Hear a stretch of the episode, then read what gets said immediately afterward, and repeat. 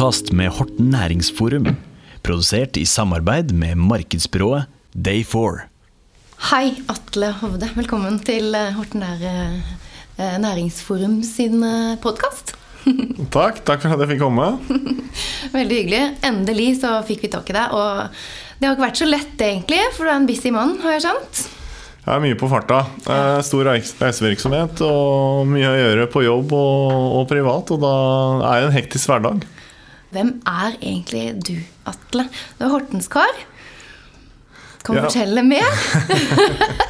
Nei, jeg, jeg, må arrestere deg litt. Jeg kommer egentlig fra Nykirke. Ja. Men uh, det er noen som er opptatt av å promotere det også. Uh, men jeg har gått på skole og spilt fotball i Jørn i mange år. Uh, og har nå flyttet hjem til Horten igjen etter å ha vært borte i 20 år. Så jeg har nå bodd ti år i Horten.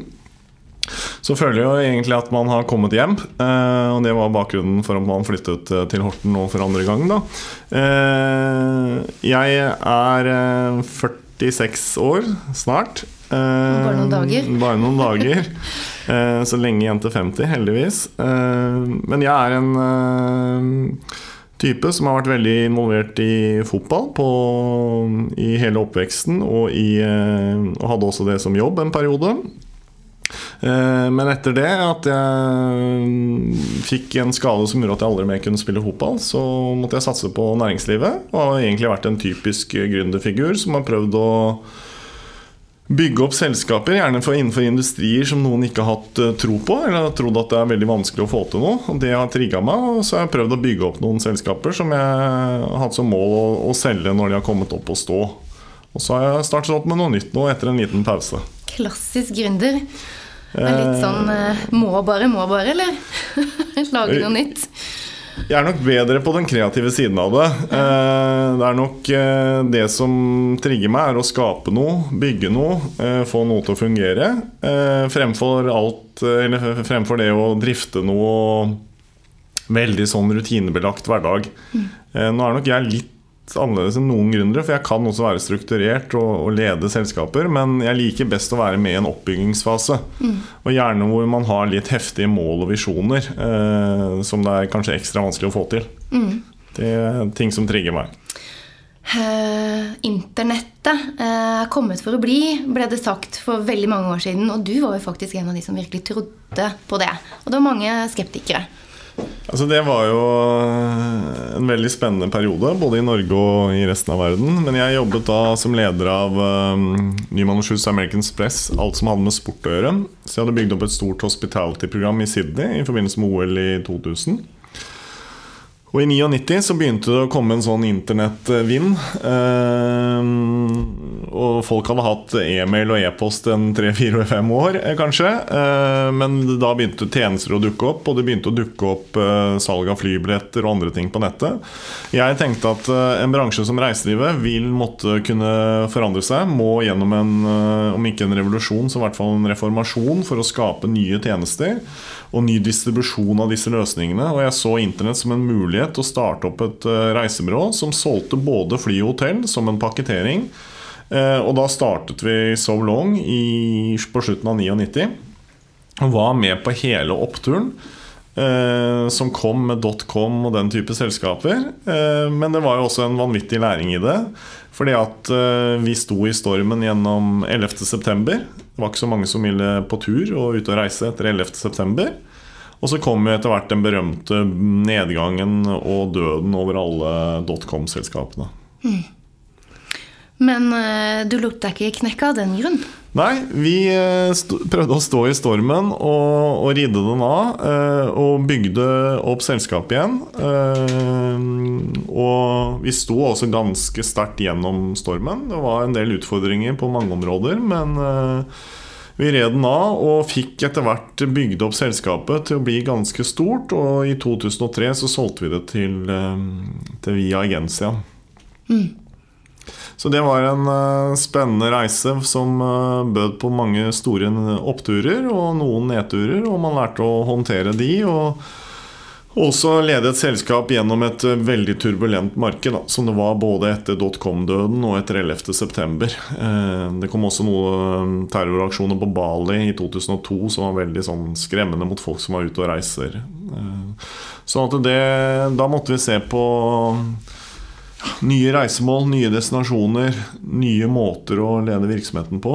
Nye måter å markedsføre det på. Og det, ja, det var lærerikt. Tøft, men lærerikt. Men altså, du kan hevde deg med navn som Ole Robert Reitan og Selina Middelfart. Og dette er gamle penger vi snakker om de har forvaltet på en veldig riktig måte. da, selvfølgelig. Og så har vi liksom nummer tre, Atle Hovde. Og dette er jo ikke tull. Finansavisen. Kåret. ja, jeg antar at du refererer til en liste som sto i Finansavisen over Norges største næringslivstalenter. Mm. Eh, en gang i 2000 eller noe sånt. Nå. Fryktelig lenge siden. Eh, og det var en morsom uh, lørdag morgen å våkne opp til uh, vanvittig mange tekstmeldinger på telefonen, for dette sto på forsiden av Finansavisen. og så var det like kult å se at de som lå foran på den listen, de hadde stort sett arvet pengene sine. Ja. Men på ingen som helst måte sammenligne meg med de navna der. Overhodet ikke. Men det var veldig morsomt og ga mye positivitet og PR å være på en sånn type liste. Da. Mm, absolutt. Og dette er unge ledere under 30 år. Det var den, gang, det den gangen, så det begynner jo å bli noen år siden. Ja, ja. Eh, men det var en kul greie og betydde også, tror jeg, mye for det selskapet jeg drev på den tiden. Ja. Og det har du, du, har, du har jo klart deg gang på gang eh, i forhold til å bygge opp og, og lykkes med det. Altså, eh, hva er du mest egentlig stolt av i karrieren din sett tilbake nå da de 15-20 kanskje siste årene? Eh, nei, vanskelig spørsmål. Men det som jeg kanskje er aller mest stolt av, det var å bygge Norges første designhotell, Grim Skrenka. Mm. Som da fikk veldig mye internasjonal oppmerksomhet, og bl.a. ble kåret til eh, et av verdens 50 beste hoteller av Wallpaper, som har vært på en måte et sånn gudsbenådet blad for de som har vært opptatt av interiør, design, reise, mat. Mm. Alt det morsomme i livet. Så det var veldig anerkjennende, og fikk jo omtale i ja, ett år i over 300 utenlandske blader og magasiner. Med bakgrunn i hva vi fikk til med det hotellet. Så det var i hvert fall en veldig morsom tid. Det var en eh, veldig bra tid. Jeg har selv vært på hotellet og hatt eh, et par fester på toppen av, toppen av hotellet der. Jeg må si at det, det, var spennende også for folk som eh, dro dit. Jeg vet ikke hva tilstanden på hotellet er nå, for det begynner jo å bli en stund siden. Hvor mange år er det du jobbet der? Eh, det tok jo noen år å bygge det, så ja. vi jobbet vel i tre år med å planere og lage konseptet og, og få det opp og fram. Det gjorde jeg jo sammen med en uh, Håre i First Hotel, eieren av First Hotel. Uh, og det, det, brukte vi en tre-fire år på, så det var jo en lang prosess. Og så jobbet jeg der uh, under hele byggeperioden. og pre-opening, hvor vi ansatte mennesker, utviklet konseptene innenfor restaurant, bar. vi hadde jo en hot kinesisk restaurant i første etasje, og det var takterrasse som du nevner på taket, og to andre barer og en lounge. Så det var mye som skjedde på hotellet. Eh, og så var jeg der eh, i ett år hvor vi drev hotellet, så det nådde den høyeste gjennomsnittsprisen i Oslo. I dag så er det ti år siden hotellet åpnet. Og jeg har ingen anelse om hvordan det går med hotellet eller hvordan det ser ut der. Men jeg håper jo det gjør det bra. Men alle hoteller trenger jo å pusses opp og fornyes hvert femte år. Det er en sånn generell regel. Mm. Men da gikk du fra hotellbransjen til Hva gjorde du da? Da tenkte jeg at uh, Hvis vi går litt lenger tilbake i tid, så bygde jeg opp uh, på 2000 I 2000 så bygde jeg opp det som ble Norges største reisebyrå på internett, som het So Long. Mm. Som egentlig var det første selskapet som kunne kombinere flyreiser og hotellbookinger i én booking. Ja. I dag så høres det helt latterlig ut, men i 2000 så var internett ganske nytt. og vi hadde en del bookingselskaper hvor du kunne booke flybilletter. Og vi hadde en del sider hvor man kunne booke hotell. Og så lagde vi et selskap da, som pakketerte dette sammen. Mm. Uh, så dermed så hadde jeg en veldig, syntes jeg i hvert fall selv, en bra bakgrunn fra reiselivet uh, og fra reisebyråvirksomhet. Og nå hadde vi bygget da dette designhotellet. Og kombinasjonen av de to elementene var å lage en concierge da, eh, som kunne hjelpe folk som skulle ut og reise, og skaffe de beste hotellene, men også restauranter, nattklubber og unike opplevelser. Så jeg følte på en måte at det var noe som var midt imellom. da, Begge sider av bordet. Ja, ja. Beste av to verdener. Ja, Det var i hvert fall utgangspunktet. Å lage en pakke og ja, produktifisere hva du kan, egentlig, og selge det ut. Det var greia. Det var egentlig eh, skaffe ting som var umulig. Eh, jo vanskeligere restaurantbooking eller eh, jo vanskeligere billett til et arrangement. Men samtidig også være den rådgiveren han som anbefalte. Hvis du skulle til London eller New York eller Barcelona, hva, var liksom, hva burde du absolutt få med deg eh, for å få mm, en stor opplevelse? Ja. Og så ble det da Concierge Masters, Det er riktig. som selskapet ditt heter. Så det begynte egentlig med at vi um, booket individuelle. Uh, først og fremst var det mange som reiste til New York. Uh, og mange som kjenner til dette kongen av New York.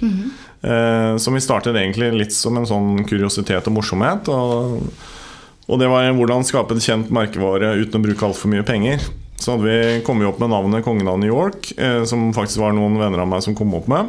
Eh, og da var tanken at enten så hater du eller liker ikke navnet, eller så liker du det. Uansett, for begge to så kommer du i hvert fall ikke til å glemme det. Så da tenkte vi at eh, hvis vi skal bygge opp en konsiervirksomhet som går mot uh, de fleste store byene i verden, så kommer folk til å spørre ja, men hvorfor skal du fra Horten kunne så mye om det. Uh, og da tenkte vi ok, vi viser at vi kan gjøre det i den vanskeligste byen i verden. If you make it there, you can make it anywhere. Eh, og da lagde vi da den kongen av New York. Så ble det en, etter hvert en ganske stor suksess, egentlig av seg selv. Det ble en sånn farsott i sosiale medier. Så begynte vi å gjøre det samme i Stockholm, i Oslo, i Hongkong, i Barcelona, i Berlin. Overalt. Eh, og så kom folk tilbake og sa du forresten, jeg sitter i konsernledelsen i det og det firmaet. Nå skal vi 50 stykker på tur. Kan ikke du ordne? For det var så bra når jeg dro med familien. Og så begynte vi da istedenfor å jobbe med én og én eller to og to, så begynte vi å jobbe med 50, 100, 200, 300, 400 stykker som skulle på tur. Og sånn er selskapet i dag. Nå jobber vi kun med store internasjonale bedrifter eller norske børsnoterte selskaper eller firmaer fra Horten og Vestfold og distriktet her som skal på en klassisk firmatur. Men alle har da det felles at de ønsker en, eh, en unik opplevelse. En opplevelse som skaper minner. da.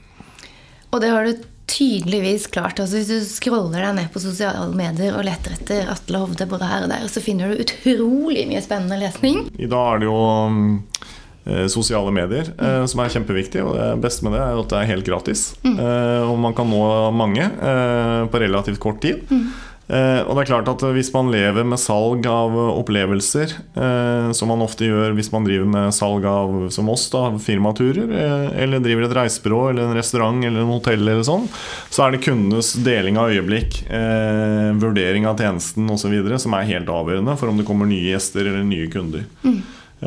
så det må man bruke aktivt. Men det er vel ikke sånn at det er, det er, det er ikke sus og dus og jubelbrus eh, kanskje hele tiden. Det er jo kanskje det du bare poster ut for å reklamere. Ja, så, så, sånn er det jo med alle virksomheter man skal bygge opp. Så er det jo først og fremst hardt arbeid i bånn. Ja. Det er tøft å være gründer, og det er tøft å bygge opp virksomheter. Eh, ikke minst gjøre de solide, sånn at folk har en trygg arbeidshverdag å gå til blant de ansatte. Men samtidig også at man bygger eh, Bygger aksjekapital, bygger eh, eh, sikkerhet, brygger, eh, investerer nye penger inn i selskapet eh, og prøver å få virksomheten til å vokse. Vi har vært veldig opptatt av å prøve å vokse år for år. eh, og nå en omsetning opp mot 100 millioner. Det har vært vår målsetning. Andre selskaper har jo andre målsetninger, men for oss har det vært, som, vært en av triggerne. Da. Og nå er dere ni ansatte. Ja, det stemmer. Tre stykker bor i Horten, så tre er pendlere inn til Oslo. Tre pendler til Oslo. To av de ikke hver dag, men jeg pendler eh, hver dag Ja. til Oslo. Eh, men når vi bygde opp selskapet, så hadde vi kontor eh, i Horten. Jeg sitter inne på Karl Johans Vern. Også sitte i gamle Gjengaren-bygget i Bråruds gate. Eh, så vi føler at vi har røtter til eh, Horten. Hva med å ta hele selskapet ditt hit, da? Eh, Det er jo noe vi har eh, tenkt på eh, flere ganger. Nå har vi mm, etablert oss i Oslo, så nå blir vi nok der den nærmeste tiden. Men Horten og Vestfold er blitt mer og mer attraktivt, så det er ikke umulig at vi vender snuta hjem en dag. Nei.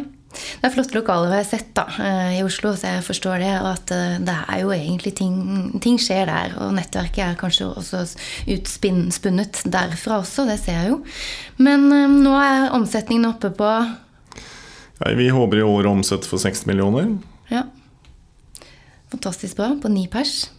Det begynner å bli bra. Men vi har en målsetning om å komme raskt opp til 100 millioner. Så, men vi har vært opptatt av å bygge sten for sten. Ja. Eh, ta det litt med ro. Vi har finansiert veksten selv. Eh, men vi har etter hvert fått veldig mange store bedrifter som kunder, som kommer tilbake år etter år. Eh, også en del lokale fra distriktet her også. Eh, og det er egentlig det enkleste er å vokse eh, med den kundebasen man har. Og få de til å kjøpe flere reiser. Eh, samtidig som da vi er en bransje hvor det er lett å spre seg via word of mouth. Folk liker å fortelle hvor har du vært hen, hvor har du reist. Du, jeg var så heldig å reise med arbeidsgiveren min til London nå i helgen. Mm. Hvor spiste man?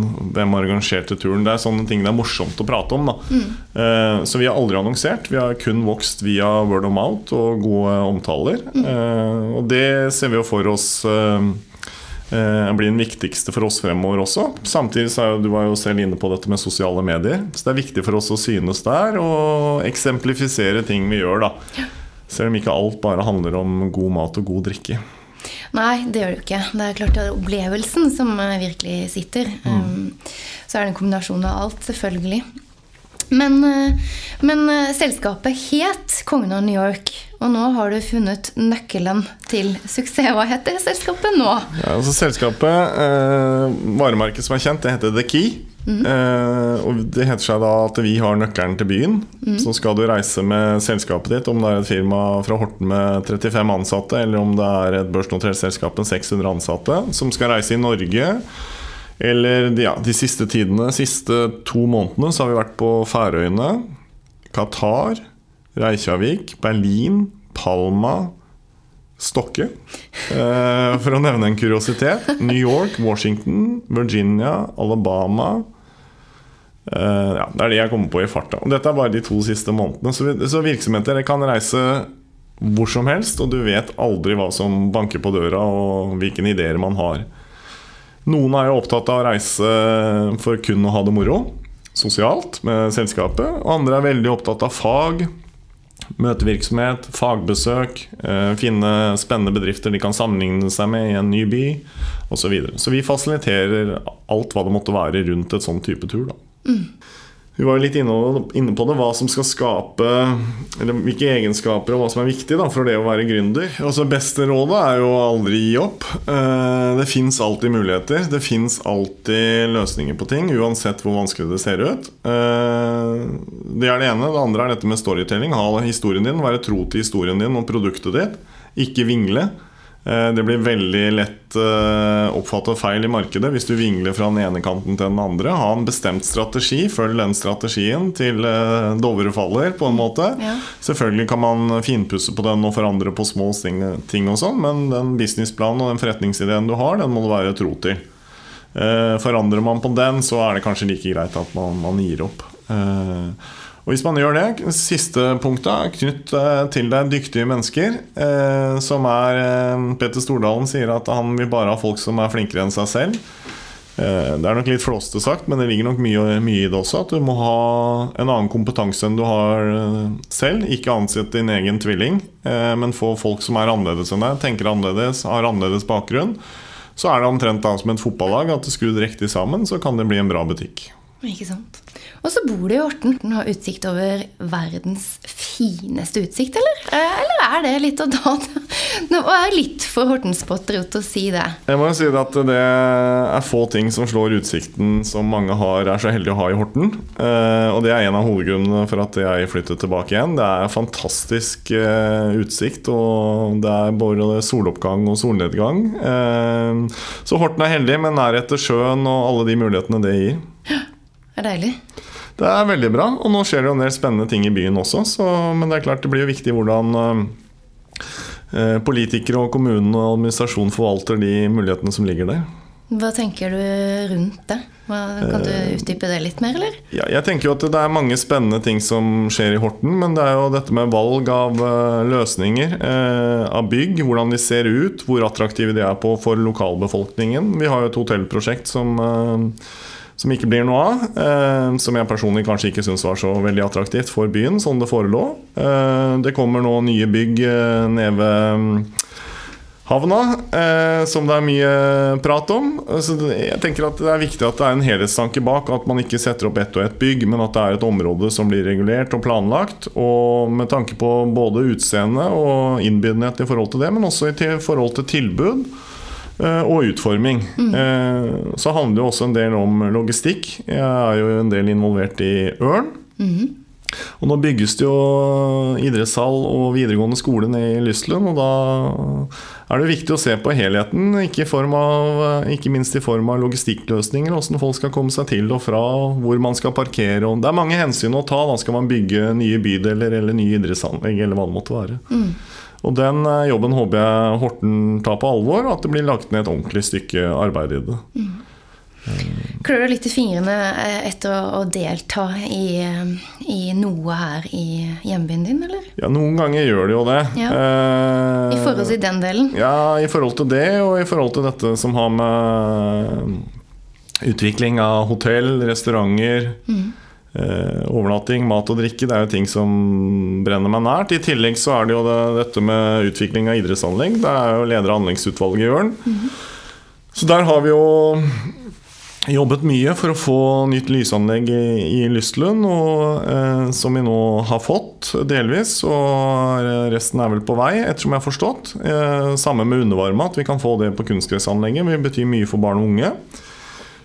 Så jobber vi jo nå med nytt tribuneanlegg, som har blitt positivt mottatt. Eh, både i eh, lokalavisa og blant lokalpolitikere og andre du møter på gata. Så det er jo noe vi håper vi kan få til i, i løpet av relativt kort tid, for det trenger byen. Mm. For du sitter altså i styret i Ørnstyret, og du har en, absolutt en finger med i spillet i forhold til lokal, um, lokale utøvere her. Du er trener for to lag, du har to barn. Um, tenker du at ja, Horten er så bra by å bo i at du kan reklamere litt ut, ut i verden om Horten? Altså Tenker du at her er potensialet? Det er en grunn sikkert for Du har to barn, selvfølgelig. Men, men, det er jo sikkert en grunn for at du brenner litt for breddeidretten også, eller? Ja, altså jeg tenker jo, For å ta det siste først, altså, uh, i form av breddeidretten, så er jo det egentlig det viktigste. Uh, skal det komme noen eliteutøvere og noen som gjør det veldig bra, så er jo det en bonus. Uh, men Ørn, som jeg kjenner best, gjør en veldig viktig jobb både for integrering og arbeidet nå mot i senere årene mot flyktninger, og få alle integrert inn i Ørn. Du ser man kan kjøre ned i Lystlund en lørdag formiddag eller en tirsdag kveld, så er det fullt av mange etnisiteter eh, som er der og spiller fotball. Så der er Ørn en viktig bidragsyter inn i samfunnet. Og det kommer kanskje ikke alltid så godt fram, da. Nei. Når det gjelder det med, Ørn, nei, med Horten og Hortens attraktivitet, så følger jo den eh, litt morsomme historien at vi hadde eh, besøk for, uh, i sommer fra New York. Som var i Horten kun for å være med for andre året på rad på Vervenfestivalen. Ja. Så det er en kul greie. En kul fyr som har gjort det veldig bra igjen på Manhattan. Ja. som har masse penger, men han var med ett år på Vervenfestivalen og kom tilbake året etterpå. Fantastisk Så det er jo morsomt at det blir posta i medier i New York på en måte, at han dro hit. da Veldig bra. Flere av de, for å si det sånn. Jo flere av de, jo bedre blir det. Ja. Eh, men det er et initiativ da, som er på en måte noe som setter Horten på kartet. Og Kan mm. vi få flere sånne typer, pluss at vi blir enda flinkere til å til å bygge opp eh, Nå er det jo Indre bydel eh, kommer jo nå med spennende prosjekter. Det gjelder også å fylle den bydelen med ting på av aktiviteter. Mm. Kanskje det kan ligges en ny fotballhall i indre bydel. Mm. Skape barn og unge, tilstrømming av folk, som igjen åpner for kafeer, butikker. Mm. Og ikke bare leiligheter. At man tenker helhetlig rundt det. Ikke sant? Sånn at du kan fra Nedre Keismark spasere bort til eh, bakeriet. Det hadde jo vært drømmen. Langs strandpromenaden. Eh, apropos bakeri, er vel det jeg savner mest i Horten. Eh, en moderne baker med sunne bakevarer. Mm. Eh, det er kanskje noe som eh, Horten trenger. Mm -hmm. Så der er tips for de som eventuelt skulle høre på, som sitter med en baker i magen. Der er det tips, og der er det store muligheter. Så hvis det er noen som hører på dette her og tenker å fy søren, han karen her, Atle, han har mye gode ideer, og så liker han gode bakvarer, og så har, har han det ekstra lille touchet estetisk sett i forhold til å bygge opp noe. Hvis du hadde fått en telefon fra en baker, er du med? Hva hadde du sagt da? Det hadde ikke vært helt umulig. Det hadde ikke det. Nei. Jeg kan se.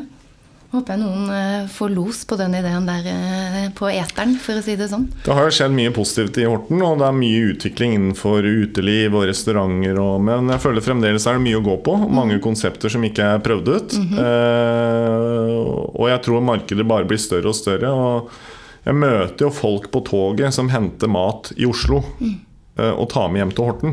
Altså takeaway-mat fra Oslo til Horten. Så det er klart det er muligheter, og vi har folk som bruker penger her. Eh, Det fins bra steder i Horten allerede, eh, men det kan komme enda flere til. Ikke sant? Mm, Målet for fremtiden er jo selvfølgelig å ha såpass gode restauranter og bak bakervarer, sånn at du får med deg det til Oslo, på veien til Oslo. Ikke sant? Da er det, altså, Oslo blir vel, altså Horten blir vel kanskje en suburb etter hvert, sånn, eh, hvis du tenker stort, da. Altså, du du ser jo det York, i andre byer som ikke nødvendigvis er verdensmetropoler, men så blir jo ofte eh, en time unna. Ja. Blir på en måte en suburb. eh, og det tror jeg Horten har alle muligheter til å bli. Nå kommer det jo en ny jernbanestasjon. Selv om den blir beliggende et sted som ikke er midt i byen, så kommer det en ny stasjon hit. Og toget vil forhåpentligvis begynne å gå raskere. Det var en periode det begynte å gå seinere. Det går ti minutter seinere nå enn forrige gang jeg pendla, for 20 år siden. Eh, Men bortsett fra det så, så skjer det jo veldig mye som gjør at jeg tror at Horten og Oslo vil komme nærmere og nærmere. Og vil, Horten vil være et attraktivt sted og område for å bosette seg for småbarnsfamilier fra Oslo. Eller folk som på en måte er ferdig med verste bykulturen, som ønsker litt roligere forhold. Og det jeg har en kollega som nettopp valgte samme løsningen og flyttet hjem, eller flyttet til Horten. eh, Nå han rundet 60. Ikke sant.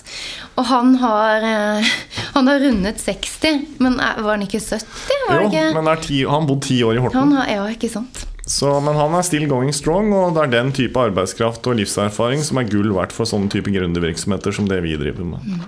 Og det er en mentalitet som det ikke er så veldig mange gründere som faktisk har. da, At du tenker også bredde, ikke bare fra breddefotball, men også bredde i sammensetningen av de ansatte i selskapet ditt. Det er kjempeviktig, har jeg skjønt.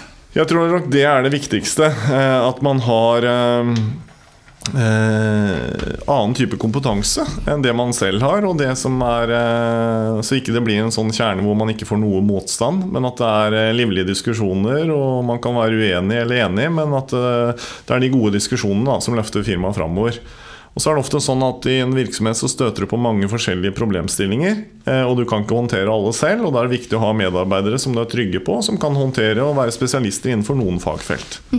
Tenker du fotball i forhold til setup, eller? Nå er du, nå er du ni, skal du opp i elleve ganske snart. Eh, ja, det skal ja. vi. Ja, Ja. det skal du. Den, den jakt, høstjakta har begynt. Og du er spissen?